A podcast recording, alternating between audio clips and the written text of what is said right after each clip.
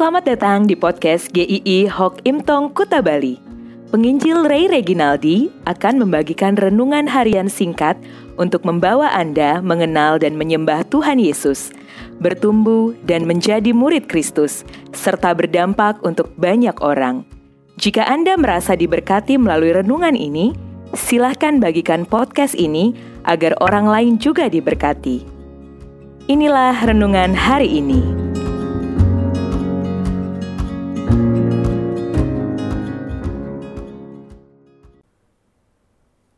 Jalannya setia dan benar. Mazmur 25 ayat 10. Segala jalan Tuhan adalah kasih setia dan kebenaran, bagi orang yang berpegang pada perjanjiannya dan peringatan-peringatannya. Ketika saya merenungkan hari-hari hidup yang sudah saya lalui, saya melihat ada keputusan-keputusan atau tindakan-tindakan yang salah telah saya ambil di masa lalu. Saya rasa setiap orang juga tidak ada yang tidak pernah mengambil jalan yang salah di dalam hidup ini. Mungkin ada juga yang sampai hari ini merasa kesulitan karena jalan yang diambil telah salah dan merasa hidup ini gak karuan akibat keputusan-keputusan salah di masa lalu. Hidup ini pasti akan terasa berat sekali kalau sudah menghadapi situasi yang sulit dan dipenuhi juga rasa bersalah yang tidak kunjung selesai. Tapi jika kita membaca Mazmur 25 ini, Daud sedang menghadapi hidup yang sulit dan tidak mudah. Ada tekanan-tekanan yang berat dirasakannya dan juga bisa tampak dari Mazmur ini. Dia juga menyadari adanya kesulitan karena kesalahannya sendiri. Namun Daud tidak tenggelam dalam keadaan itu. Kita bisa melihat di ayat pertama dia berkata, "Kepadamu ya Tuhan, kuangkat jiwaku." Dia membawa seluruh hidupnya di hadapan Tuhan, menyerahkan jalan hidupnya untuk diperiksa dan dituntun Tuhan kembali. Dia mengingat segala perbuatan Tuhan di dalam hidupnya. Salah satunya adalah di ayat 10.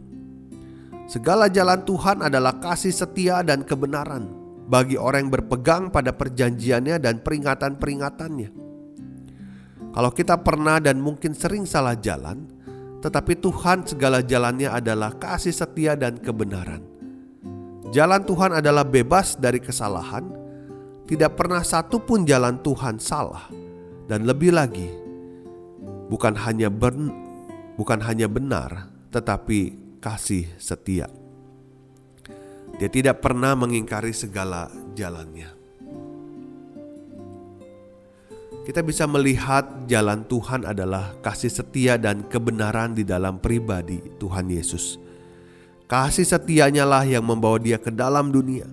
Kebenarannya lah yang menjadikan pengorbanannya sempurna sehingga kita bisa diterima oleh Allah. Sebuah buku yang saya baca mengatakan, kita sering kali mendengar kita diterima Allah apa adanya. Tetapi yang benar adalah kita diterima apa adanya di dalam Kristus.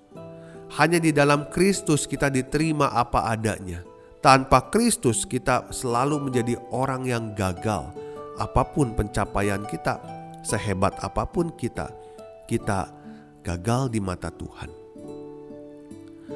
Maka kita harus ingat ini. Bahwa kita adalah orang-orang yang sudah diselamatkan karena kasih karunia. Tuhan Yesus sudah memberikan hidup yang baru kepada kita. Kita mungkin pernah gagal, tetapi tataplah hari ini dengan percaya pada kasih setianya Tuhan. Berjalanlah di dalam jalan yang benar.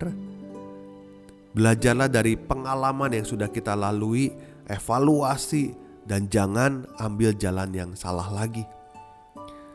Jika hari ini kita juga terjebak karena kesalahan kita sendiri, jangan terpuruk.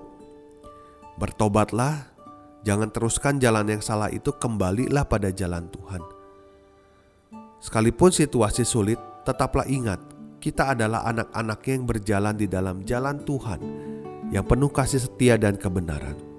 Percayalah Tuhan akan menuntun Anda untuk melewati hari-hari yang tidak mudah, sekalipun itu akibat keputusan kita yang salah Kembalilah pada Tuhan, berjalanlah di dalam Dia. Besok kita akan membahas tentang keramik pecah. Tentang apa itu? Nantikan Tuhan memberkati.